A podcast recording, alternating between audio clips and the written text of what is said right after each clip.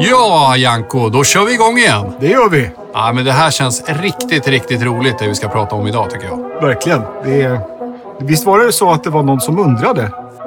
Precis, det var faktiskt en eh, herre som heter Diego. Ja, Eh, som du kanske känner till. Eh, som bland annat är i Svenska Hembryggarföreningen. ja. Som har önskat ett avsnitt av digg, digg, digg, digg, digg, digg, Bamberg. Bamberg. Om Bamberg. Kanske kan man kalla det för Centraleuropas Mecka Ja, för många. Alltså det, det, Bambergborna kallar det för världens sanna ölhuvudstad. mm. Det kan man kalla det om man vill, men det är i alla fall en plats som är svår att ignorera om man eh, borrar i den centraleuropeiska kulturområdets ölkultur. Eh, Alltså när det gäller lageröl, ålderdomliga lageröl. Ja. ja, men för mig är Bamberg någonting som jag kan relatera till fast jag aldrig har varit där och jag hör många prata om Bamberg. Mm. Och det kanske inte är utflyktsmålet nummer ett för många, även om man, man pratar om det och vill åka dit. Och det är Mm. inte alldeles enkelt att ta sig dit heller. Nej, vi hade ju ett avsnitt för en tid sedan där vi pratade om smultronställen, kulturhistoriska och så. Och valde bort det som vi trodde var sådär uppenbara resmål som inom citationstecken alla hade varit på. Men det kanske är så att Bamberg hör till de där lite mer alltså smygpärlorna, i alla fall i relation till London och München och Prag. Det finns ju ingen internationell flygplats alldeles nära Bamberg. Så att eh, man kan byta i Berlin och flyga till Nürnberg till exempel. Men sen får man åka tåg. Alltså det är ju tåg som gäller om man inte har egen bil. Jag har aldrig varit där med bil faktiskt. Utan antingen med tåg från någon flygplats eller med uh, hyrd buss då när vi varit där med en grupp. Mm. Men allra, allra först så måste vi såklart nämna vem som sponsrar det här avsnittet, Janko. Ja, roligt med en sån prominent sponsor också. Man känner sig lite stolt över det. Det får man säga och det är inga mindre än Oppigårds bryggeri och deras nya öl Hedemora Lager som sponsrar det här avsnittet. Ja, Eh, Oppigårds utanför eh, Hedemora, Ingvallsbänning. ja. Har du hört talas om Oppigårds, Janko? Ja, Oppigårds har funnits mycket nära mitt hjärta i uh, ungefär 15 år, eller ja, sedan de grundades då. uh, som blev en, en uh, kan man säga, pionjär för genombrottet för moderna hantverksöl i Sverige.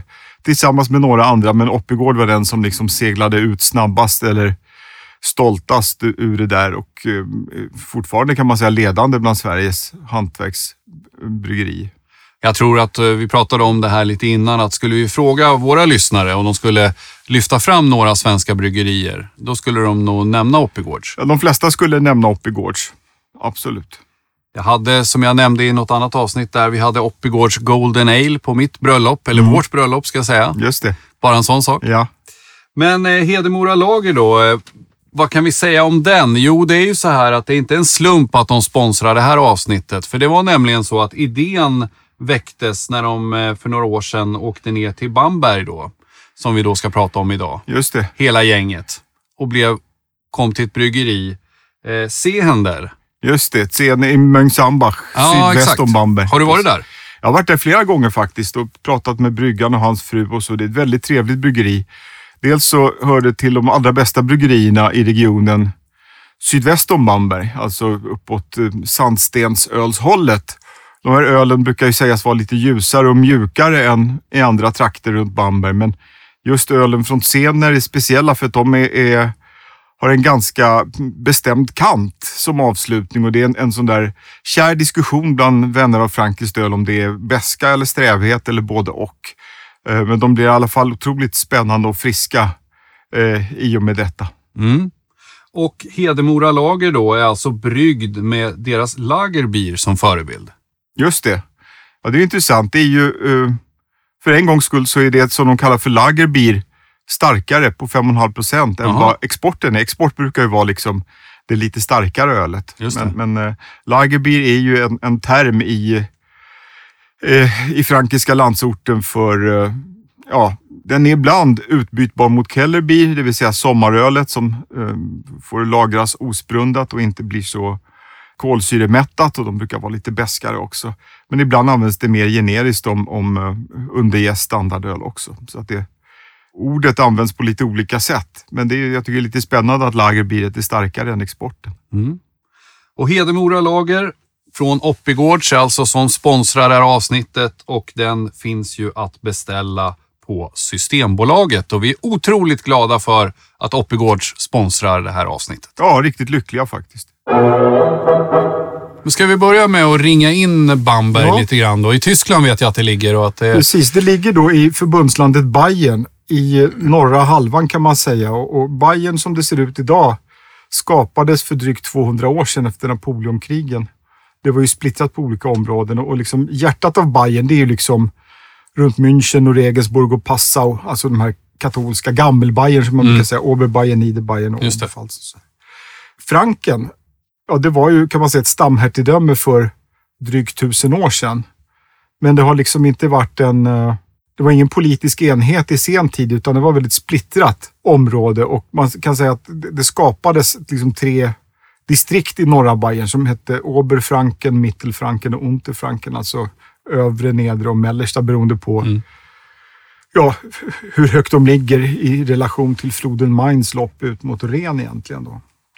Och eh, Bamberg ligger i Oberfranken, den östra delen, fast det ligger i, i den västligaste delen av Oberfranken. Det är inte huvudstad i Oberfranken, det är Bayreuth som är det. Något som retar Bambergborna. Så det ligger nära gränsen till både Mittelfranken och Unterfranken egentligen. Så att Nürnberg är väl närmsta lite större stad. Och annars har vi flugit till München eller Frankfurt och tagit tåg därifrån. Runt 80 000 invånare, knappt. Och den här stan tycker jag framförallt präglas av att, att det är en residensstad, en huvudstad. Och det kan man tycka är konstigt, en liten, förhållandevis liten liksom regional stad i ett avlägset Mm. landskap i norra Franken. Men Tyskland enades ju först då egentligen då 1871 och det här området kom till Bayern i början på 1800-talet. Så att eh, dessförinnan så var det som vi idag kallar för landskapet Franken splittrat på småstater helt enkelt. Och en sån småstat var först biskopsdömet Bamberg. Mm. Det var alltså biskopen, direkt underställd påven, som regerade över Bamberg och ett antal byar runt omkring.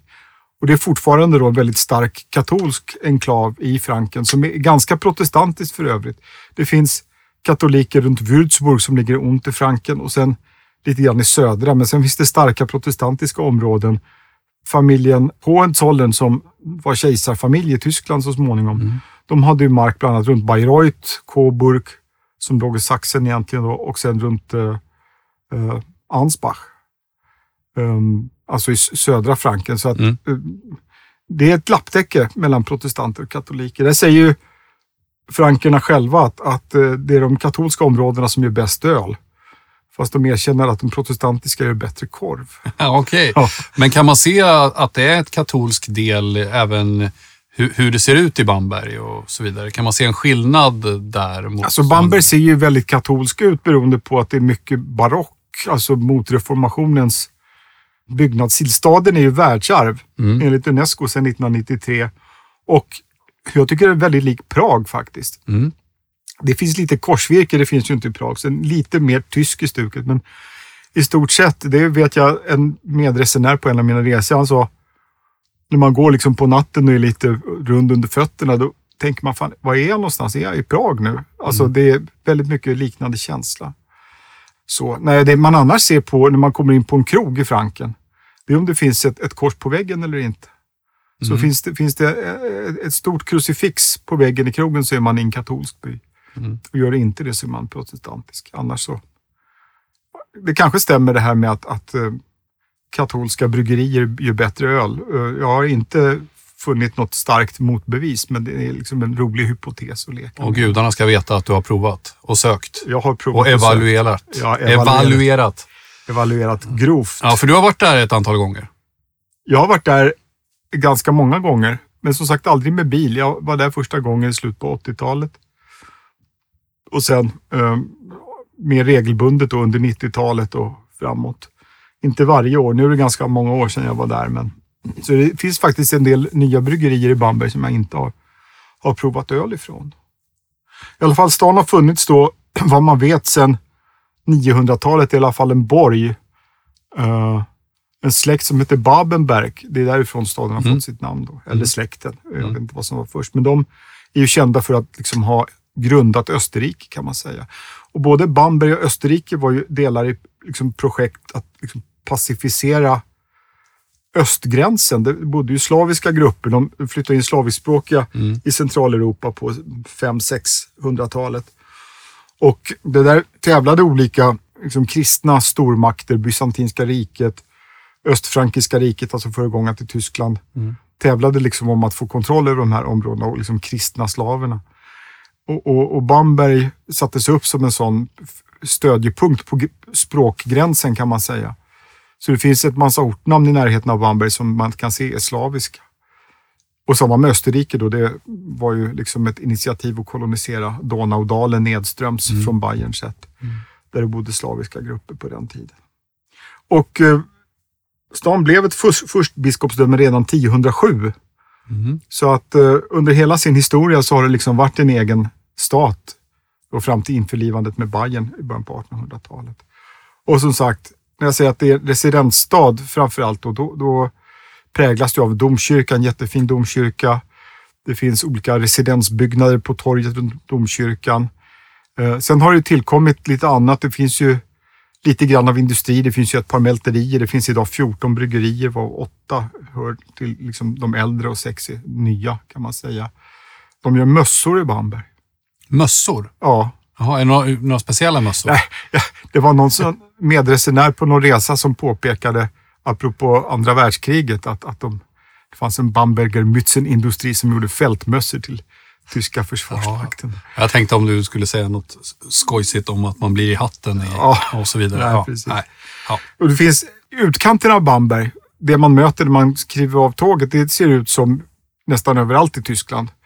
Att det är lite rörig trafik och det är lite sådär, jag vet inte om man ska säga ljusskygga verksamheter, men det är liksom resebyråer och det är spelhålor och lite klubbar och det har ingen specifik karaktär och hela området runt järnvägen är präglat egentligen av äldre och, och nyare industrier. Det är ju inga jättetunga industrier med skorstenskogar och sådär, men det, det, ser ganska generiskt tyskt ut sen. Men, men det som är fina med Bamberg, det är att man kan i princip göra staden till fots.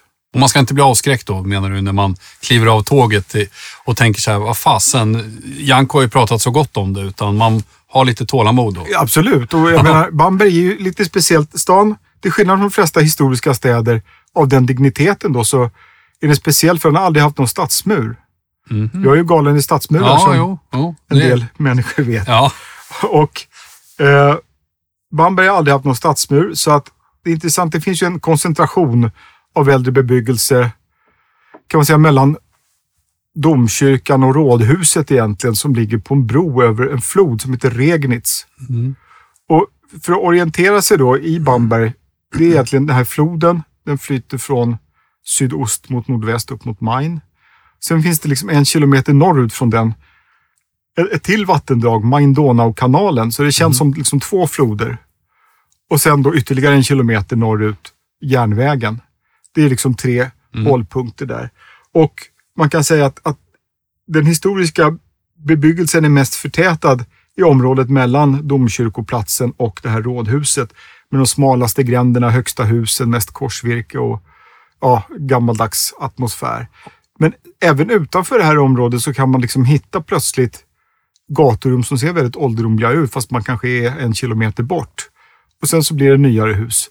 Så att det är lite uh, speciellt på det sättet. Men, de, men Bamberg har klarat sig genom krig och så vidare och behållit de här byggnaderna eller har det förstörts? Nej, alltså Bamberg är till väldigt stor del bevarat. Uh, eftersom det inte fanns så mycket tung industri så vad jag vet så blev åtminstone inte stadskärnan bombad under andra världskriget.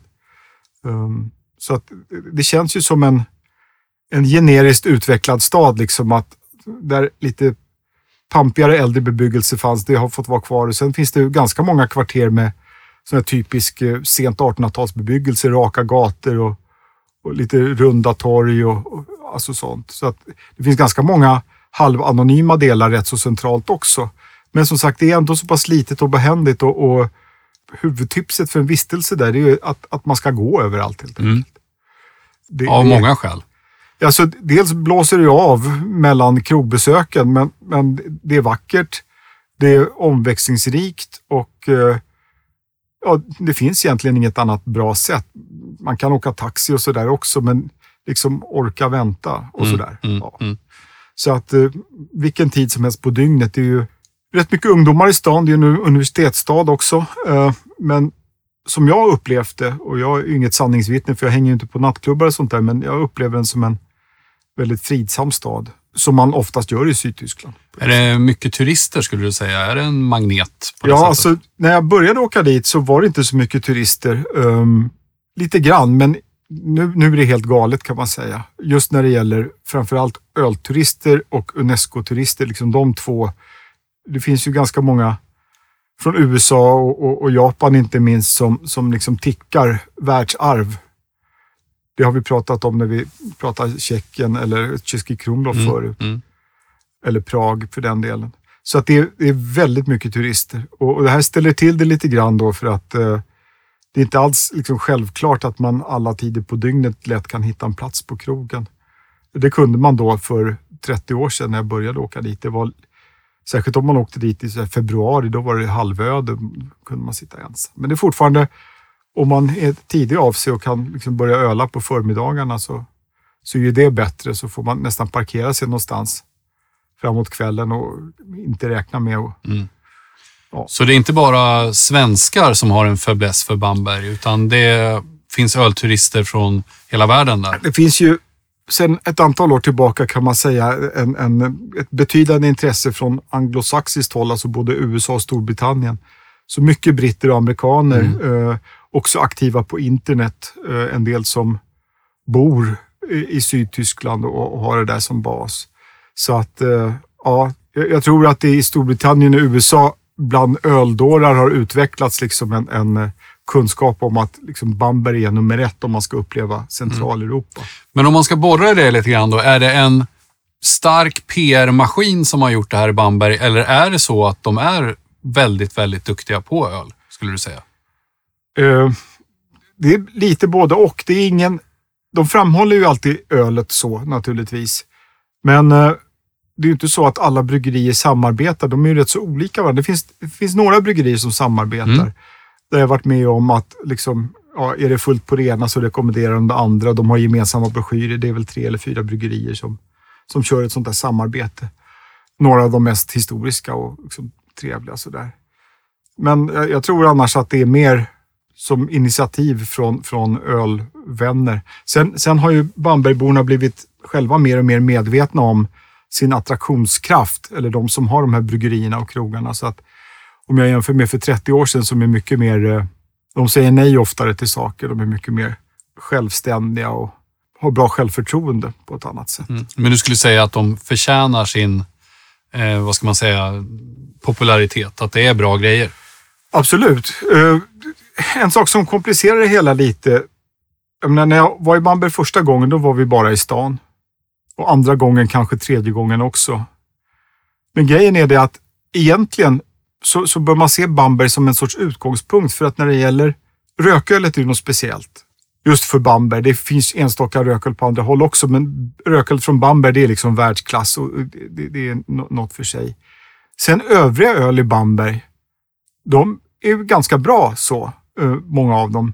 Men de mest intressanta tycker jag, frankiska ålderdomliga lagerölen byggs, bryggs i byar runt om i Bambergområdet och andra delar av framförallt Oberfranken, men även på vissa platser i, Mm. andra platser i Franken. Mm. Så att det går liksom inte att...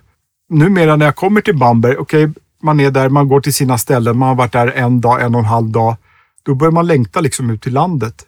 Jag tänkte om vi hinner kan vi komma in lite på det också. Mm, För det finns, Absolut. man kan promenera, man kan eh, cykla, ta taxi, åka buss, åka tåg. Det finns så många sätt att ta sig runt. Och, och inom en och en halv mils radie finns mycket intressant att uppleva runt stan också. Men vill du börja i själva stan? Lite grann, Absolut. Och Jag tänkte då, det finns idag då 14 bryggerier i Bamberg. Wow. Och det har vuxit snabbt senare år. Som jag sa förut, man kan säga att åtta av de här bryggerierna är liksom gamla, etablerade. Och när jag började åka dit så fanns det tio bryggerier. Ett som hette Löwenbräu som stängde eh, ungefär då 1989 eller där kring. Så det har jag provat typ en gång, första gången jag var där. Men sen fanns det liksom stans näst största bryggeri som hette Meisel. Och det fanns överallt. Alltså, bryggerierna säljer i princip på sin egen krog och sen kanske på något enstaka ställe. Men sen på liksom vanliga krogar som inte hörde till något bryggeri, då var Meisel var det vanliga ölet. Även om det inte är största bryggeriet i stan. Det är ett annat bryggeri då. Men det var det vanligast förekommande. Men det bryggeriet stängde för ett antal år sedan. Mm. Uh, jag tror det var 2008. Sen finns det åtta bryggerier kvar av de etablerade. Mm. Men det har då tillkommit, några har försvunnit också, men som finns nu är ytterligare sex bryggerier. Och de ligger delvis i kluster. Mm. Så att om man då med utgångspunkt från järnvägen tar sig till fots, så tänkte jag kunde beskriva de Mm. här klustren då. Gärna. Eh, Det finns en huvudgata in mot stan från järnvägsstation som heter Luitpoldstrasse. Och då går man den söderut mot stadskärnan, ungefär en halv kilometer. Och till slut så kommer man in, det ser lite mer ålderdomligt ut, en vägkorsning till en gata som heter Oberkönigstrasse.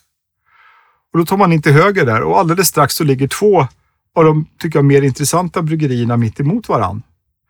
Och det är Special och Fessla. Mm. De ligger precis mitt emot varandra och båda har hotell. Special har jag bott på ett antal gånger, men inte lyckats de senaste kanske 15 åren. För det är alltid så här, hej, jag kommer om ett och ett halvt år och är ensam. Finns det lediga rum? Nej, säger de. Ja. Det sa de ju inte för 30 år sedan.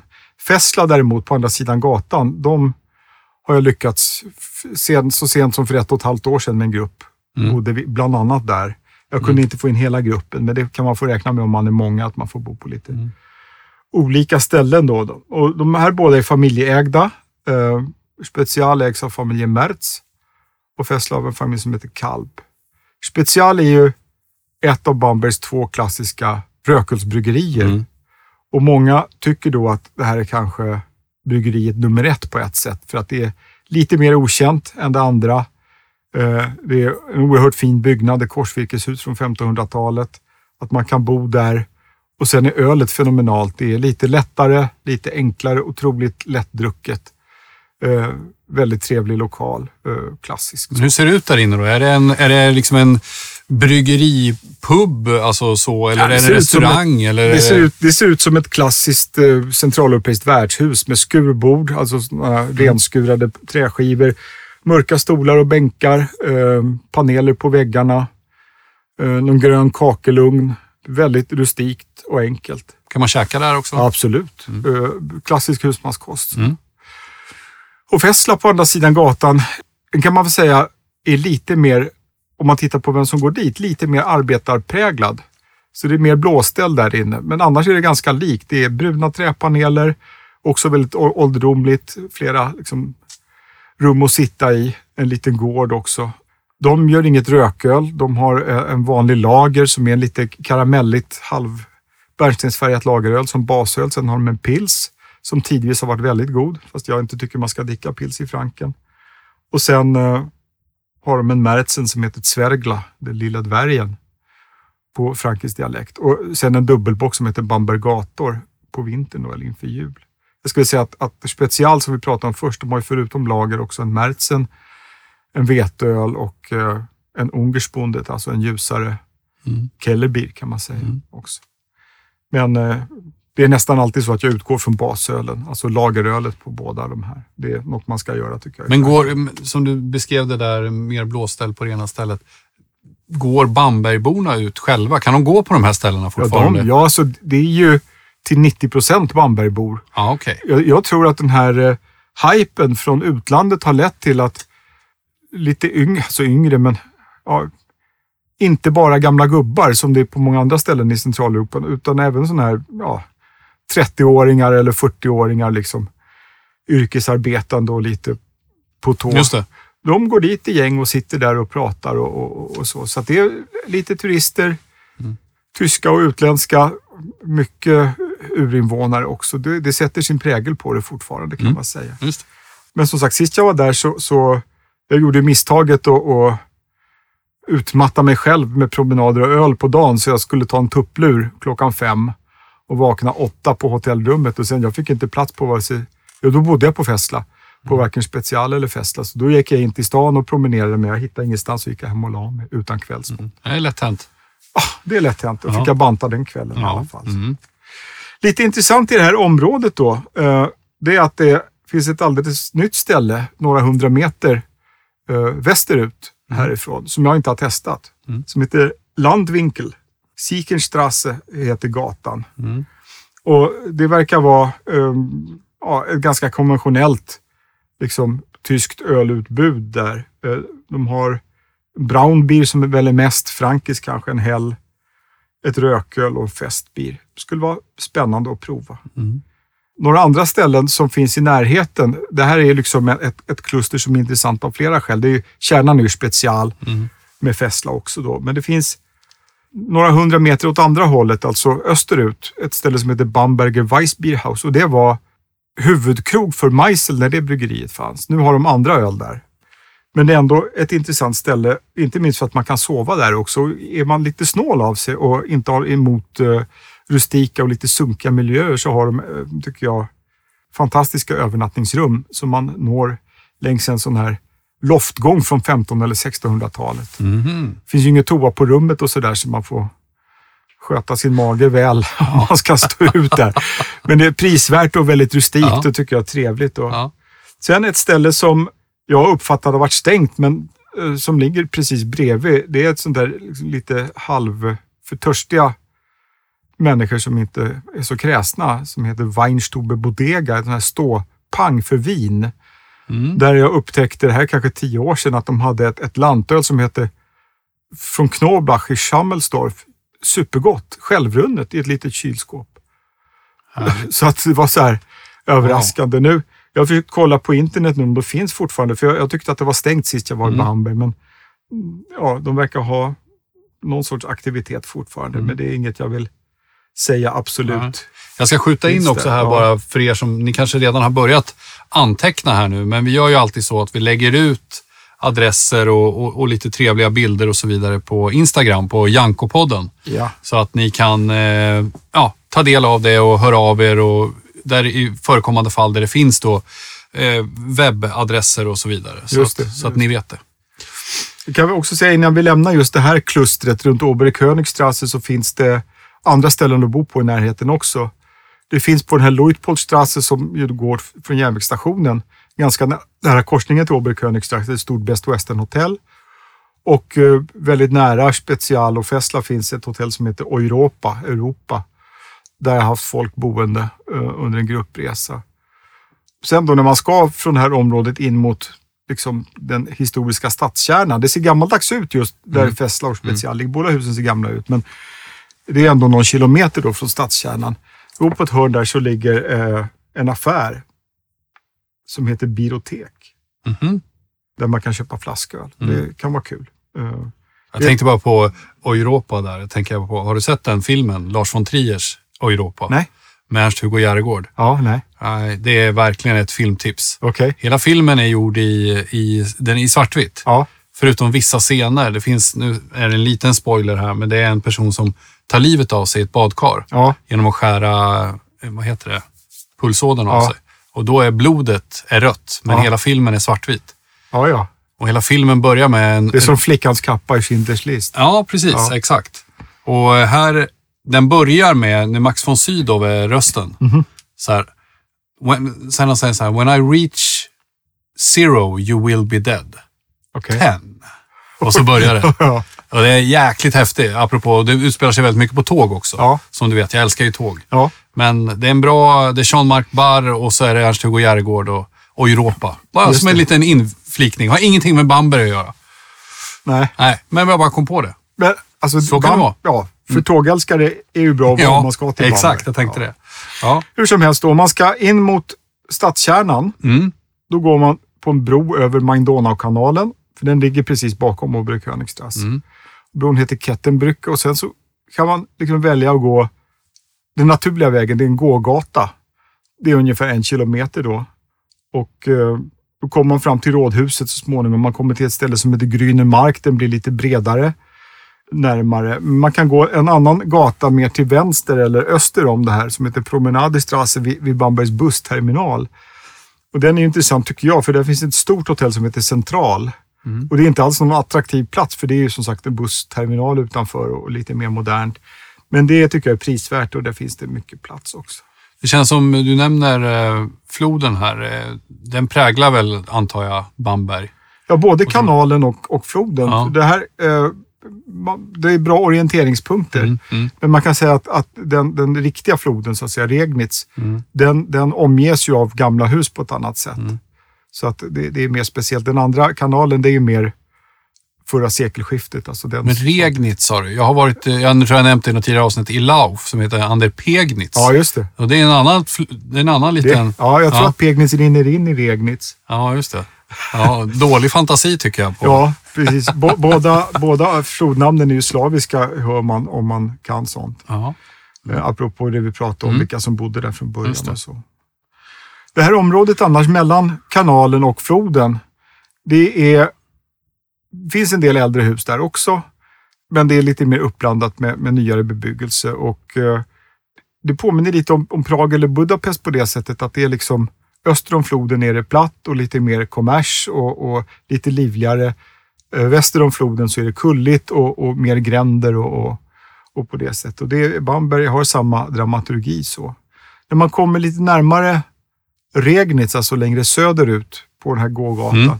så korsar man till slut en, en gata som heter Langerstrasse och det är en av de livligaste, alltså även med biltrafik, gatorna i centrala Bamberg. Mm. Och där finns eh, också ett bryggeri, eh, relativt nyöppnat. Mm. En, en klassisk gammal krog, kallar sig för Bambergs äldsta från 1380, då, som heter Sternla. Och för några år sedan började de brygga öl i klassisk frankisk stil. Mm. Eh, så det, jag har aldrig varit där sedan de började brygga själva. Jag har varit där tidigare och ätit. Eh, men eh, ja, Men de här bryggerierna som du säger som är relativt nya, är de tvungna att brygga i klassisk frankisk stil? men de flesta eller? gör ju inte det. Nej, Eh, okej. Så vi kommer Ja, tillbaka bra. till det lite grann sen. Mm. Ja, precis. Så nära, ganska nära Langerstrasse, apropå bo, Mm. jag har kamrater som ofta bor på ett hotell Ibis. Mm. Eh, alltså, jag nämner då hotell som jag själv har använt eller som Mm. kamrater har bott på. Och som uh, Zinkenwörth heter den adressen. Eh, väldigt centralt också. Så att det är ett bra alternativ till Hotell Central om man inte får plats på något av bryggerierna, vilket kan vara svårt. Sen kommer man då till floden över Regnitz och där står Bambergs rådhus som är byggt i korsvirke och barockt. Otroligt eh, vad ska vi säga, stämningsfullt eftersom Mm. det står mitt i floden. Mm. Och därifrån ser man torn, eh, alltså domkyrkan torna upp sig. Det är de flesta Så. bilderna man ser från Bamberg. Som Det är brukar- därifrån. Ja, det är som ja. Karlsbron och Pragborgen, Ja, ungefär Mm. motsvarande. Mm. Liksom. Mm. Och där finns det då ehm, väldigt mycket naturligtvis koncentration av turister, men alldeles i närheten, ett par hundra meter därifrån, så ligger då Bambergs kändaste krog kan man säga. Och det är Schlenkerla Mm. på en gata som heter Dominikanerstrasse. Och det tycker jag är någon sorts centralpunkt i Bamberg, för det ligger mitt emellan rådhuset och domkyrkan. Mm. Så att det är en liksom bra utgångspunkt. Mm. Och det är väl, om man bara ska till ett ställe så är det nog dit man ska ändå. Det enda stället som fortfarande har självrunnet öl. Mm. Eh, De serverar sin kraftigare rökmärtsen då. Det är deras standardöl Mm. där och eh, det är en fantastisk lokal. Mm. Ska vi nämna det här med självrunnet öl? Vad, vad, vad innebär det för de som inte känner till det? Så de flesta eh, fatöl idag serveras ju genom att man kopplar, man har ölet i ett aluminiumfat under tryck och, eh, eller vad det nu är för material, stålfat eller vad det är, en kegg. Och så kopplar man på kolsyra på en tub och så trycker man ut ölet med kolsyra. Ehm, ett självrunnet öl, då tar man helt enkelt upp ett fat från ett kallt ställe och ställer det på bardisken och trycker in en kran och sen så får det rinna av sig självt. Mm. By gravity som engelsmännen säger. Så det är ju liksom det ursprungliga sättet att Ja. servera kan man säga. Jag köpte nyligen en sån här, eh, när dottern tog studenten, Ja, köpte jag bara en sån här vanlig Warsteiner på bolaget, Ja. fem liters. just det. Som man bara öppnar där uppe och sen så har man en liten Ja. tapp. Men grejen är att det, det blir på något vis som att ja, men folk uppskattar det. Ja. Att det är en härlig grej att få gå och, även om det, det rinner ju ganska långsamt och så Just vidare. det. Men det, det, är en, det är en härlig grej och jag, det finns någonting härligt med det självrunna också på något vis. Det känns som att det blir godare bara för att det är i den här tunnan och upplever jag i alla Ja, fall. grejen är ju att, att det finns ju en, en kan man säga, utbredd uppfattning bland ölvänner, inte minst i Centraleuropa, att de, ju mindre man ma- manipulerar med ölet, desto bättre. Så det här är ju så lite manipulerat som möjligt. Sen, det har jag kunnat prova bland annat på ett ställe här i Stockholm som franciskaner som har både självrunna öl och öl på kegg från det här området. Att det finns ju vissa lite tröttare eller mer karamelliga öl som faktiskt passar bättre med mer kolsyra, alltså i sin keggvariant. Så att det är också en intressant lärdom. Men jag tycker ändå det är anmärkningsvärt att Schlenkela då har um, självrunnet öl fortfarande. Det är unikt. Så att Men har de, är det det enda de serverar eller har de även kegg? Inte där, nej. Nej, det är bara självrunnet. Men man kan säga att alla restauranger, alla inom citationstecken, i Bamberg har ju Schlenkelas rököl på flaska. Alltså, ja, just det. det är ju liksom, Mm. det förväntas överallt att det finns. Så även om det är en vinrestaurang så har de Schlenkelas rököl på flaska. Så att det, är, det är ju stadens mest eh, spridda öl skulle jag tro. Bambergs Coca-Cola. Kanske. Och det, det är ju Bambergs turistfälla nummer ett också. Det, det är ju i nivå med Hofbräuhaus eller Ofleco, men, men det är en fantastisk turistfälla med välbevarad klass. De brygger inte ölet där längre. Det Nej. bryggs ungefär 600 meter söderut, en bit upp i backen på Oberstefansberg. Eh, alltså där de gamla ölkällarna fanns. Eh, och eh, det kan vara intressant att veta att familjen som har bryggeriet heter Trom. Mattias heter han som är aktiv nu och hans mamma är från Trelleborg faktiskt. Jaha. Ja. Hans pappa German äktade Mhm. denna dam en gång i tiden. Och eh, jag har träffat henne ett antal gånger för hon jobbade, eh, serverade i värdshuset. Ja, Så kul. vi har suttit och pratat med henne och så. Ja. Eh, väldigt intressant. Ja. Så det är liksom Special och Schlenkela. Det är ju de två ställena med rököl. Det är det som är det mest specifikt bambergska. Mm. Och när det gäller miljön, de är ganska olika varandra men ändå för en svensk rätt lika varandra. Ehm, liksom kanske mest besöksvärda. Eh, och, ska man bara till ett ställe så är ju Schlenkela det ikoniska stället. Men som sagt, jag kanske skulle slinka in på Special först. Liksom. Mm. Ja. Mm. Precis bredvid Schlenkela så ligger ett ganska nytt ställe som heter Ambroisianum, Mm. som ett bryggeri. Men det, det är inte frankiskt alls. Det, jag har känslan av att de liksom kapitaliserar på att de ligger vägg i vägg med Schlenkela. Mm. Så att när det verkar fullt på Schlenkela så tänker turisterna, men här är ett annat bryggeri. En öl, en öl, en öl, Ja. en öl. De har liksom Helldunkel och Weizen. Mm. Det är inget fel på det, men eh, jag har varit där en gång. Det är inget fel, men det är inte Schlenkela. Det är definitivt inte Schlenkela. Så, men det bör ju nämnas i alla fall. Mm. Sen finns det bara snett över gatan en bit ifrån ett annat ställe som heter Kachelofen, som Kachelofen, på vägen upp mot domkyrkan. Och det är intressant, för det har alla tider som jag har varit där i alla fall serverat ett öl från en, en grannort som heter Bottenheim. Eh, som heter Sankt Georgenbräu. Väldigt mer lantlig stil, men väldigt smakrikt, lite yvigt och parfymerat frankiskt öl. Så vill man ha liksom frankiskt lantöl så är det, kan man slinka in där. Eh, så. Ett annat Mm. favoritställe, eller jag ska nämna två favoritställen till i, i närheten av Schlenkela. Det ena är en vinstuga som heter Nysslein på en, en gräns som heter Logbank. Det är 100-200 meter från Schlenkela. Om man är öltrött och slinker in där och tar en Sylvaner eller något annat eh, frankiskt vin by the glass så att säga. Det är fantastiskt trevligt. Eh, Kan du nämna något om frankiska viner när vi ändå är i området så att säga? Vad, Ja, alltså Franken har ju haft liksom både perioder av gott rykte och sämre rykte. De renländarna säger ju Frankenwein ist Krankenwein, att man blir sjuk av. Men de har varit väldigt dyra. Det finns framförallt i Würzburg och den trakten berömda vingårdar. Men det, är mest fokus på vitt vin och Sylvaner är då karaktärsdruvan. Det finns ju andra druvor också, Riesling som överallt i Tyskland. Och du kan säga att du hittar Müller-Thurgau och Grüne Veltliner och sånt där. Men Mm. Silvaner är liksom den frankiska druvan och det är ungefär som man i Frankrike ska prova det vanliga ölet, det som kallas för Vollbier eller Lager.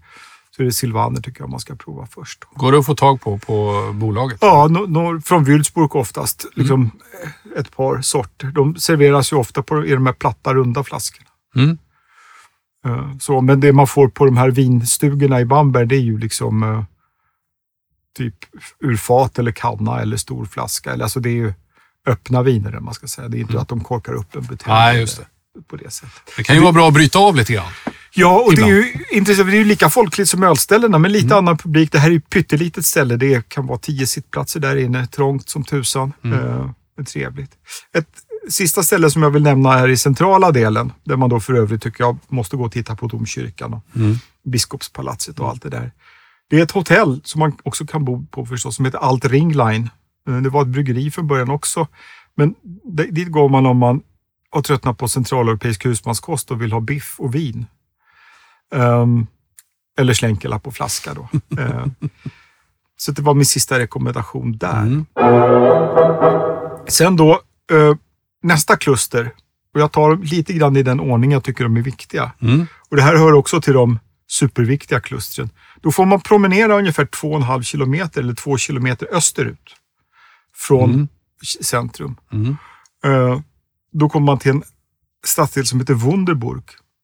Och den ligger då, då får man gå tillbaks till norr om både Regnitz och, och, och Main-Donau-kanalen. Mm. Och där ligger det två bryggerier mitt emot varann. Marsbräu och Kesman. Och det finns ju turister där också, men det är ju ändå en halvtimmes promenad från centrala, så det är inte alls lika mycket turister som i centrala Bamberg. Och det finns inte lika mycket, det ser ju halvmysigt ut runt där, men det är inte alls, det är inte stadskärnan längre på det viset, utan det, det ser ut som en, en, en utkant av en sydtysk medelstor stad. Men det är värt den där två kilometers Absolut. promenaden i alla fall. Alltså, Mm. det här, båda bryggerierna är ålderdomliga. De är lite olika varandra tycker jag. Marsbräu, är- båda är sortimentsbryggerier Mm. som brygger liksom eh, vanlig Vollbier, oftast ljus då, inte Mm. det här frankiska stuket. Eh, de kan brygga pils, eh, de kan brygga veteöl, bock och, och sådär. Marsbräu är väl för mig nummer ett av de där två, just för att, eh, eller kanske framförallt för att de har en uråldrig skänkstuga. Det är den mest ålderdomliga krogmiljön. När man kommer in på Marsbräu, ett urgammalt rum. Det ser ut som för hundra år sedan. Mm. Men sen finns det fler rum där inne, för där får man sällan sittplats. På så man kan man sitta ute, man kan stå och dricka i portlidret också. Det tycker jag är charmigt tillsammans med gubbarna. Mm. Du vet när man går till Just toan. det. Liksom. Just det. Mm. Men Marsbräu, det- den har ju köpt några gånger på systemet. Den finns ju lite då och då. Marsborg, oh, deras Ungerspunde, alltså, Ungerspunde, den ja, som exakt. lagras utan mottryck. Den Ja. är ju i frankiskt stuk. Jättebra öl. Mm. Och kan man äta gott också. Där hade jag min välkomstmiddag på min senaste resa. Då. Väl värt ett besök. Kesman på andra sidan gatan är också väldigt populärt. Jag tycker att det är lite som Festlar Special, att Kesman har en lite mer medelklasspräglad publik. Det kanske har jämnats ut lite nu, men, men jag tycker att Marsborg känns lite folkligare, att det är lite mer blandat där. Kesman där, de har ju ett ganska berömt öl som heter Herrenpils, eh, som jag aldrig har förstått mig på. Jag tycker att, jag gillar inte Kesmans, det är inget fel på dem alls, men det, jag skulle aldrig gått till Kesman om inte Marsborg låg bredvid. Eller mer sällan i alla fall. Nu går jag ju alltid dit ändå för att det ligger mitt emot. Man vill prova. De, de, eh, sitter man några stycken kan man ju prova sig igenom allt. Man kan äta där också. Jag kan ju nämna de här sammanhangen, lite egenheter på frankiska ölkrogar eftersom jag själv gärna varit med på det på Gärna Marsborg. det. Vi har ju pratat lite tidigare om, om eh, ja, men hur det ser ut i Belgien eller hur det ser ut Ja. i Bayern generellt kanske. Så det kan vara intressant att höra lite Ja, det värsta som kan hända är att vi upprepar oss. Ja, ja, ja, men det är kanske ingen som kommer ihåg ändå. Inte minst vi. Nej, precis. Men på Marsborg till exempel så, så kan man medta egen mat. Mhm. Så att eh, jag kom dit en gång när inte köket var öppet och då sa de det finns en slaktare eh, 50-100 meter ner här på, på Wunderburg. Gick jag dit och så köpte jag lite kallskuret. Så kom jag dit med en sån här papperspaket. Så satte jag mig, så fick jag tallrik och bestick. Så beställde jag bärs. Fasen vad trevligt. Det tycker jag är otroligt För härligt. ofta kan jag känna ibland i Sverige att man, då blir det ofta så här, "Ha, ska ni, ska ni bara dricka eller ska ni äta och dricka? Ja. Ska man bara dricka, då blir man lite grann något som liksom, någon har släpat in. Ja, och även om man ska äta så är det sådär. Nu är Stockholm, Stockholm och Bamberg, Ja, Bamberg. ja. Men liksom det är så här, ja, ni får sitta i två timmar. Ja, exakt. Ni har sittning mellan. Ja. Och bara där tycker jag att, jag, jag förstår det ur ett kommersiellt perspektiv för många krogar. Ja, att visst. folk sådär. Men som upplevelse som gäst, Ja. så blir det, då, då, för man vill ju att allt ska vara möjligt som vi pratade om tidigare. Två öl in. Vi kanske sitter här hela kvällen. Ja, visst. Vi kanske, tills de stänger. Och så kanske vi blir hungriga fast vi bara vill ha öl. Ja, så blir man sugen. Ja. Men just när man har fått så här, ja men då har ni mellan 19 och 21. Mm. För mig är det, nej det är tråkigt. Det där har jag varit med om en gång på Soldaten Schweik. Ja. Jag skulle ta en öl, klockan var fem på eftermiddagen när de öppnade. Och så blev vi utstädade till slut. Mm. Det Ja. kallades bland mina kamrater att göra en Janko under ett tag på 90-talet. Eller? Ja. ja, ni som inte har varit på Soldaten Schweik, det kan vi rekommendera. Och jag vet Den inte om ligger vi i Stockholm på Östgötagatan. Exakt. Eh, Alla bor ju inte i Stockholm. Nej. Nej. Men, eh, och där ska vi ju nämna, finns ju en sevärdhet där inne på toaletten också. Ja, Ja. precis. Ja. Eh, Det kan vi berätta om i ett annat avsnitt. Exakt. Det är en liten cliffhanger. Ja, precis. Mm, Ja. När man ändå är i Wunderburg, då kan man, om man vill, ta sig till andra sidan järnvägen. För där ligger en stor Bierkeller, en ölträdgård, som var bryggeriet Meisel, det som var näst störst i stan, deras keller. Men man kan säga att det bryggeri som tog över när Meisel lades ner och blev liksom nummer ett på krogarna i stan, det är Fessla. Mhm. Som vi nämnde i början. Mm, mm. Och så Meisel Keller har blivit Fessla Keller. Det ligger på Moosstrasse. Ja, och man säger inte Biergarten egentligen. Nej, man säger Keller. Ja, okej. Vet du var, varför det är så? För att på vissa ställen, andra ställen så säger Ja. man ju Biergarten. Nej, men det är väl, kan man säga, det ursprungliga. Så här är det att när lagerölet, man behövde ju någonstans att lagra lagerölet. Då gjorde man ju eh, i, eh, um, kan man säga, tunnlar eller grottor eller källare som man grävde ut ur berg. Mm. Och eh, för att få det svalt så planterar man kastanjer utanför. Det är lite schablonartat nu när Mm, jag säger mm. liksom.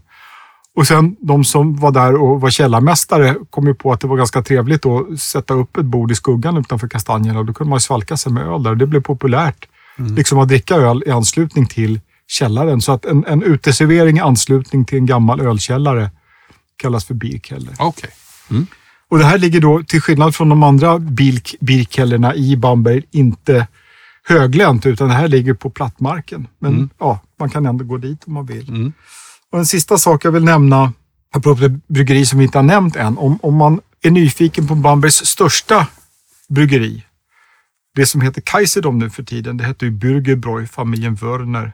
Det ligger kan man säga, två och en halv kilometer utanför stan åt andra hållet. Men det finns då en restaurang som ligger halvvägs mellan stadskärnan och Marsbräu och Kesman. På ett, en vägkorsning på en gata som heter Urbanstrasse. Och den, den har haft lite olika regim under mina år där. Jag har varit med om tre namn på den. Just nu är det en turkisk restaurang som heter Effendi.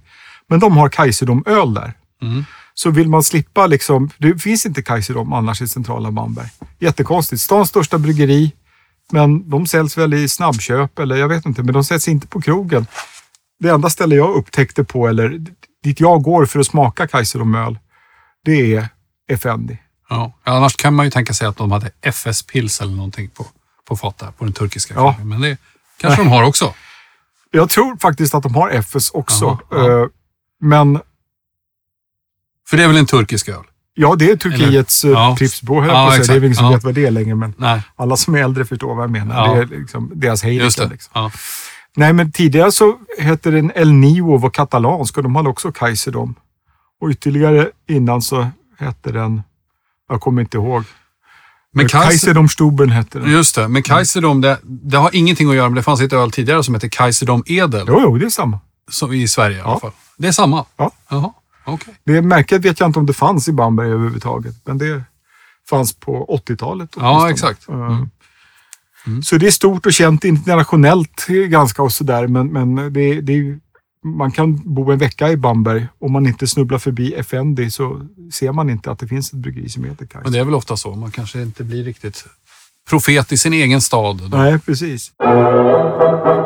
I alla fall nästa kluster då, Mm. om man utgår igen från, från Schlenkela och Mm. mittpunkten, det är ju söderut. Och där är mycket kulligare och då får man knata. Det är vackert och det är fina gatumiljöer ofta också. Där hittar man ett antal, ett antal eh, birkeller. Jag ska börja egentligen innan vi går upp i, i kullarna så finns det vid floden eh, några hundra meter, kanske en halv kilometer söder om, om Schlenkela, ett lite gömt bryggeri som heter Klosterbräu Mm. på en gata som heter Obermühlbrücke. Och Det var ett bryggeri som tidigare bara såldes genom kringföring. Alltså man, man bryggde och så körde man runt. Mm.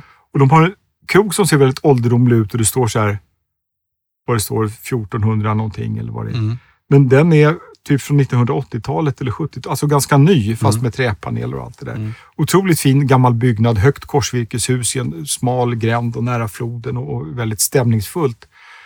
Det bryggeriet gjorde länge bara några öl. De hade en, en Pils, en Schwarzbier, en Braunbier. Sen var kvaliteten sådär, men sen några år tillbaka så har det faktiskt köpts av Kaiserdom. Mm. Och eh, kvaliteten på ölet har blivit bättre. När jag pratade med dem där så bryggs det öl som serveras på Klosterborg fortfarande på Klosterborg. Däremot så misstänker jag, jag har inte fått det bekräftat, men det finns en del mer udda eller smala ölmärken som Kaiser har. Som är möjligt att kan bryggas på Klosterborg. De har liksom en mindre enhet. Har det någonting med kloster att göra? Eller varför heter det Klosterbroj? Vet du det? Alltså, förmodligen har bryggeriet från början ägts av ett kloster. Jag kommer inte ihåg historien runt det. Det ligger inget kloster i omedelbar närhet, Mm. men det finns ju ett, ett antal kloster. Det låter ju trevligt. Så att, eh, Ja, det är ju jättetrevligt. Det är Ja. också en sån där, eh, det är ju inte känt eller det har inte speciellt jättebra rykte, men jag tycker alltid det är kul att gå dit. Mm. Där hade vi avslutningsmiddag på min sista Mm. eller senaste Bambergresa och de expanderar eh, den här krogdelen bit för bit. När jag var där för 30 år sedan så hade de bara en liten bakficka liksom. sen fick de en, en större sal och nu har de expanderat. Så att, ja, det är riktigt trevligt och eh, helt skapliga öl eh, Mm. faktiskt också. Mm. Hur som helst, annars på de här höglänta kullarna så, så det är där Bambergs liksom, gamla ölkällare finns. Eh, liksom insprängda i, i de här sandstenskullarna. Mm. Och det mest kända av de här det är Specialkeller. Alltså bryggeri Special som vi pratade om i Mm. början med rökölet. Och det ligger på Ober Stefansberg. Man går dit på en gata som heter Sternwardstrasse. Man går förbi Schlenkelas bryggeri och sen till vänster upp en bit. Och det är en fantastisk utsikt över stan. Man ser domkyrkan och alla andra kyrktorn och sånt. Eh, där är det kanske lättare att få plats. Och, Ja, där, är, där finns det ju alltid Ja, plats. mm. Eh, Men det är öppet vackra sommardagar i Mm, princip. mm, Eh, mm. Men även om det, om det inte är jättemycket folk och det börjar regna när det väl är öppet så finns det en liten skänkstuga så man kan sitta inomhus också. Mm. Eh, om man inte går upp Sternwardstrasse utan fortsätter Oberkönigstrasse ända upp på kullen och det är lite kämpigt, men det är det värt. Då kommer man till ett ställe som heter Wilderosekeller. Mm. Och där har de liksom ett, ett eget ölmärke fast det bryggs på kontrakt. Det har bryggts av lite olika bryggerier så jag vill inte säga nu vilket som, som gör det, för det vet jag inte. Men, men de har liksom ett eget märke som de har låtit brygga på andra bryggerier. Men det är också en fantastiskt trevlig eh, ölträdgård. Mm. Väl värd att gå till, även om det är lite irriterande att det är inget liksom, eget öl eller bryggeri. Sen då på ett Mm. intilliggande berg. Mm. Eh, det är lite krångligt att ta sig emellan. Men, men, Men det är lite olika kullar alltså här som Ja, man det, går det, är, mellan. det är som Eller? Roms sju kullar, fast Ja. ja. man får liksom gå ner en bit och gå upp igen och så. Men, och det är lite halvkämpig promenad någon kilometer upp där, men man kommer till, i alla fall till ett torg, ett förstadstorg som heter Laurentiplatz. Och där ligger ett bryggeri som heter Greifenklau. Och det har jag alltid tyckt varit väldigt trevligt. Eh, det känns som ett landsortsbryggeri. Och de har liksom ett, ett enkelt lageröl, har haft länge bara så. Eh, som ibland är typ världens godaste öl, men ibland smakar ja, skapligt bara. Sen har de fått flera märken nu som jag inte tycker kommer upp i samma klass. Någon Ungersbonde. Det är smart att ha ett ställe där man är tvungen att ta sig upp en kilometer, för då är man ju alltid lite varm, svettig. Absolut. Och då smakar det ju ännu bättre. Det smakar ännu bättre. Och god mat har de där också. Ja. Man kan sitta inne, man kan sitta ute, terrassen mot eh, borgen Altenburg som var Mm. furstbiskoparnas ursprungliga borg innan de byggde residens i stan. Eh, de har ett hotell som ligger några hundra meter ifrån som ligger lite i utkanten. Men där bodde jag första gången jag var med en grupp i Bamberg faktiskt. Då åt vi njure som välkomstmåltid. Wow. Så att Greifenklau tycker jag är ett, ett måste. Och sen den sista kulle som jag vill nämna som inte är lika långt bort men, och lite mer västerut. Det är eh, Michaelsberg. Eh, med ett stort kyrkokomplex, klosteraktigt där uppe. Och där finns nämligen Frankens bryggerimuseum. Eh, ett ganska stort museum och det är mer sådär om man tycker om att titta på prylar och artefakter. Eh, och svalt är det där också. Jag hade lite ont i höften eller ryggen när jag gick där så jag linkade sist jag var där. Men, ja. Kan man dricka öl där då? Det finns ju ett café där uppe. Ja. Tidigare så kunde man dricka majsel där. Jag drack inget öl där sist. Och det Nej. var den dagen som jag somnade på eftermiddagen. Så Ja. jag gick ner till stan och drack eh, Schlenkela istället. ja. Mm. Eh, den sista riktningen som jag vill nämna Mm. innan, eh, eh, om vi hinner det kort, ska jag kanske gå in på... Eller det är två, två riktningar till egentligen. Mm. Den ena är då, båda är lite mer orealistiska kan Mm. man tycka då. Den ena är två och en halv kilometer västerut från stadskärnan. Och då kommer man till en, förstad, en industriförstad som heter Gaustadt Mm. som ligger vid sammanflödet mellan Regnitz och Main. Kan man säga. Och där ligger två bryggerier. Dels då Kaiserdom. Mm. Eh, båda ligger på Gaustätter Hauptstrasse. Eh, eller i alla fall Kaiserdoms krog som är ett hotell också. Men lite innan så finns det ett ställe som heter Kronprins som är ganska nytt. Det hette Erlkönig från början, men de, det finns ett, ett bryggeri som heter Erl i södra Bayern Mm. som bytte till Kronprins. Och där, ja, de har massor med olika öl, alltså de byter hela tiden och det tror jag inte heller är så mycket Bambergstuk på, men om man väl tar sig dit så vill man ju säkert besöka det. Jag har aldrig varit där. Jag har inte varit på Kaiserdoms ställe heller. Själva bryggeriet ligger på en, en sidogata några hundra meter därifrån. Men det är alltså Bambergs största. Mm. Eh, kamrater som åker ofta till Bamberg, de har fortsatt att promenera därifrån två kilometer till. Till en by som heter Bischberg Mhm. och ett bryggeri som heter Sonne, Solen. Så det kan man också, om man ändå har gått två och en halv kilometer kan man knata till, Ja. till Bischberg och ta Men jag gissar där. att det blir färdtjänst hem sen. Nej, jag tycker man ska gå tillbaka. Mhm. Det, Ska man orka supa så ska man orka knata. Wenn man saufen kan, kan man auch leiden. Ja, precis. Mm. Eh, Men som sagt, den här riktningen har jag själv aldrig gått till. Det längsta jag har gått det är till olika boenden som ligger liksom i den här riktningen. Eh, Det finns ett ställe som heter eh, Residensschloss, som är ett lite bättre hotell som ligger på vägen däråt, som jag har haft grupper boende vid. Och ett, som var mer som pang i bygget som hette Anker, har jag för mig. Pang i bygget på ett, på ett bra sätt eller på ett dåligt sätt? På både och sätt, som Ja. pang i bygget sätt. Liksom. Ja. Att ni, ni måste vara tysta, det ligger en sjuk man där. Och, Okej. Ja, och folk blev utelåsta. Det, var, det blev pang i bygget tack vare Don't gruppen. mention the war. Lite så. Alltså, folk sov i loftgångarna för att de hade, kunde inte väcka fulla kamrater inne i rummen och sådär. Så. Ja. ja. I alla fall, norr om järnvägen så finns det några sevärdheter också. Det tycker jag mest sevärda där, det är eh, ett café som heter Abseits. Och det är den som basar där. Det är en kille som heter Gerhard Schulman. Och det som är intressant där, det är egentligen två saker. Dels att det finns ett ganska rikt sortiment med frankiska lantöl. Så har man inte möjlighet att åka runt och vill prova öl från byarna så ska man gå dit. Eh, det andra är att man kan få dricka öl som bryggs på mälteriet Weiermann där.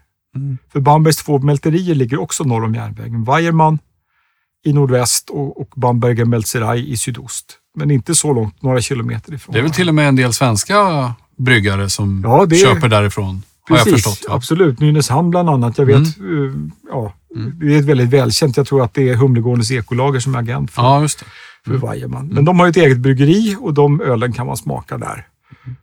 Det, det kan vara kul att ha gjort det. Mm. Jag säger inte mer om Mm. så, men det, Okej. det räcker så. Mm. Eh, eh, han, eh, Gerhard är väldigt, eh, han kan engelska bra och är intresserad av att prata med ölintresserade utlänningar. Så att eh, ser man en, en, eh, en herre som ser ut som en ägare ungefär, med, med inte jättetjockt, inte jättefärgrikt hår och inte jättelång och jättesmal och ser trevlig ut så, och kan inleda en konversation så Och så ska man låtsas vara lite ölintresserad också. Inte bara intresserad av Nej, men det kan vara så att man har liksom specifika frågor Mm. om de här landsortsölen eller Ja. så. Så Mm. det där kan man, Det är bra tips. ja, eh, där kan man också, faktiskt också åka buss in till stan ifrån, för det finns en busshållplats i närheten. Men det är lite fegt. Det är, det är bara, kan man säga, ett par kilometer från. Mm. Ja, någon, någon, en och en halv kanske från Specialfestla, det Ja, området. men ska man testa alla de här? För jag menar, jag kan tänka mig, du, du går inte till alla de här ställena på en dag. Utan du delar Ja, upp kan- det här på flera dagar. Eller? Man kan gå på alla på en dag. Det är lugnt. Har ni gjort det när ni Ja, varit? ja, jag brukar göra det. Alltså, jag har ju som sagt aldrig varit i Kaiserslautern eller Nej, så, nej, men nej. Men det är ju... ölkällarna, inklusive Greifenklau, stadskärnan, uh, Wunderburg. Det här, ja, det här det kan man ta på en dag, absolut. Mm. Det finns ett nytt bryggeri som jag inte har varit på, på ett ställe som heter Zollnerstrasse som heter Hopfengarten. Mm. De är bryggeri och trädgårdsmästerier. De har också så här lite mer skojsiga... De har egen humle i sin, i sin trädgårdsverksamhet. Men när man tittar på deras hemsida så är det mycket så här hallonöldryck. Och, alltså det är lite Mm. experimentellt verkar det som. Men, men nästa gång jag går till Café Upside så kommer jag förstås gå dit och, och testa det också. Så, som sagt, Upsides. Upsides, är inte det offside? Alltså typ ja, på... det ligger ju lite avsides. Liksom. Ja, Det ligger ju i ett rent bostadskvarter. ja. Och det skiljer sig från området söder om järnvägen på det sättet. Det. Det, det, men då får man se den den delen av Bamberg också. Jag vet, jag var på ett ställe i Berlin som heter eh, Union Berlin, är ett fotbollslag där. Okej, Eh, och då hade de, deras supporterpub hette Upsidesfälle. okej. Alltså Offsidefällan. Ja, just det. Tyckte jag var så kul. Ja. ja. upsides. Ja. Jag ska väl innan vi lämnar själva stan också eh, säga några mer fler egenheter då, med, alltså som skiljer frankiska krogar från ja, precis. Du nämnde det tidigare. Ja, precis. Och det, jag pratade ju om det här att vissa kan man ta med sig mat till. Mm. Eh, det finns ju självrunnet öl på vissa, även om i Bamberg så är det bara Schlenkela som har det nu. Mm. Doppvärmare eh, har vi nog pratat om Ja, tidigare. jag tror det i ett tidigt avsnitt, men nämn det gärna igen. Ja, att, att om, man, om man tycker att ölet är för bubbligt och för kallt så, så, så har de en, en, det ser ut som en lödkolv eller lödpenna som de sticker ner i glaset. Ja. Så fräser det till så blir man av med lite kolsyra så höjs temperaturen. Det är ganska bra mot slutet av dagen vet jag efter egen erfarenhet. Det blir Ja, det är otroligt. mildare. Eh, Men, ja, ja det, det, det är mindblowing tycker jag. Det skulle vara kul om det fanns i, i Sverige. Har du sett det på något ställe i Sverige? Nej. nog? Nej. har jag inte. Nej. Men nu, har jag som sagt inte varit på krogen på ett och ett halvt år i Sverige. Nej, så det är sant. nej. Men snart är det dags. Det är något som är coolt tycker jag i hela Frank i Franken. Det är ju att de i hela Centraleuropa eller i alla länder utom Norden, höll på att säga, så hälsar ju folk på varandra även om de inte känner varandra. Så när man kommer in på en krog eller sådär. Och eh, den generiska hälsningsfrasen i Bayern är grus gott. Men i Franken, i alla fall på de här mer gedigna ölställena, så knackar man i bordet. när Just man det. kommer och går. Så det tycker jag också är coolt. Man har fattat det liksom. Just det. Så går man runt och, och man ser ett to, tomt bord. Lite längre in i krogen så sitter det ett gäng och så knackar man bara. Man behöver inte titta på dem utan bara lite förstrött knacka och sätta sig där. Mm. Jag tycker det, det är... Jag ryser av välbehag. Ja, jag förstår det. Det är härligt det där. Men det, men det gör de själva fortfarande också. Det är inte bara någon grej som man Nej, nej. har läst om och så kommer nej, man nej. som... De gör det själv. Utan, ja. Absolut. Mm. Jag tänkte då som avslutning bara, Ja. eh, som sagt, att, att, att det är värt att åka till Bamberg både för ölet och för att, att det är kulturhistoriskt intressant. Liksom, Att det är en vacker plats. Det, det, det är ju självklart då. Men några ställen man skulle kunna ta sig till i närheten då. Eh, om man börjar norrut. Dit har jag cyklat faktiskt. Eh, det finns ju cykeluthyrningar på flera platser. Rakt norr om Bamberg så finns en fin keller som heter Wagner Keller. En bit ovanför en by som heter Kemmern. Mm. Wagner Bräu har sina ganska enkla ljusbruna Kellerby där. Mm. Och det, det är en, en ehm, kan man säga, ett, ett högland norr om Main som heter Hassberge. Och det är på deras egentligen östligaste utlöpare. Så det är fin utsikt över Maindalen och man sitter där. Och... Trevligt. Mm. Eh, och inte så långt därifrån, dit vi också liksom cyklade då. eh, ett ställe som har varit ett favoritställe som heter Zum Goldenen Adler i en by som heter Höfen. Mm. De har åldrats lite och, och ölet har varit lite mer vacklande. Det verkar finnas kvar fortfarande. Fantastiskt öl när det är i bra kondition, men jag vill inte garantera det. Gyllene Örnen. Precis. Och sen finns det bland flera bryggerier i takten ett ställe som heter Schwanenbräu i Ebing. Som också har, jag har varit inne på bryggeriet också, de har ett gammalt kylskepp bevarat, alltså ålderdomlig produktionsutrustning. Väldigt fint, eh, riktigt mörkt lageröl. Mm. eh, där. Kylskepp. Vad är det för någonting? När man har kokat vörten med humle och eh, ska få ner temperaturen för jäsningen så gjorde man förr så att man slog ut den, den heta vörten i ett grunt kar av Mm. metall. Mm. Så att det liksom syresattes, för det är bra för jästen, och svalnade snabbare. Mm. Och det är väldigt ovanligt idag, men det finns här och där i Franken fortfarande. Okej. En annan riktning, liksom lite söder om Main, åt nordost, då finns det en by som heter Merkendorf. Där finns två bryggerier, Hummel och Wagner. Dit kan man åka taxi. Man kan säkert cykla också. Jag har inte varit på cykel i den riktningen. Det finns även närmare Bamberg därifrån en by som heter Memmelsdorf med två bryggerier som inte jag tycker är riktigt lika intressanta. Men det finns Köttensdorf, eh, ligger i närheten med ett bryggeri som heter H. Kan man ta i samma veva. Och en av de första utflykterna jag gjorde på egen hand med en kamrat då, med liksom en lokalbuss. Eh, det var till en liten köping som heter Kässlitz. På den tiden fanns det tre bryggerier där. eh, Schmidtbräu, Bartsänger och Dreikronen. Nu har ju två av dem stängt så bara Dreikronen kvar. Och jag har inte tyckt att deras öl har varit lika spännande som jag tyckte från början, men det är också liksom ett möjligt utflyktsmål. Mm. Sen rakt öster om, dit är det vanligt att man cyklar. Jag har själv inte gjort det, men jag har träffat kamrater från Bamberg, eller jag kände framförallt en person, Frank Wetzel, som är cykel och ölkällarfanatiker. Mm. Han har hemsida om Frankiskt öl också. Mm. Då kom man bland annat till Schammelsdorf, eh, som har ett jättebra bryggeri eh, med fina beska lantliga öl. En by som heter Geisfeld med två bryggerier, Krok och Gris. Framförallt Gris som har varit i fokus. Krog har jag hört har- stängt, men, men det verkar som att själva bryggeriet är öppet, men krogen är stängd. Mm. Cyker man lite längre eller tar sig lite längre kommer man till Låndorf där det finns två bryggerier. Det finns ett som heter Hölzlein som, som är väldigt bra. Har också kylskepp bevarat, fina ekkylar i, i, Mm. i skänkstugan. Och lite längre upp mot höglandet, där ligger ju Fränkische Schweiz så småningom, ligger en by som heter Tiefenellern och ett bryggeri som heter Hönig som jag tycker är fantastiskt. kan man också Mm. som längst kanske ta sig till utan besvär. Vill man åka tåg så kan man åka till exempel åt sydost till eh, en ort som heter Bottenheim med två bryggerier. Två fina byrkeller för Löwenbräu och Sankt Georgen bredvid varann. Eh, värt ett besök. Åka några minuter till kommer man till en stad som heter Forchheim som har fyra eller fem bryggerier kvar. Den är framförallt känd för sin Forchheimer Kellerwald.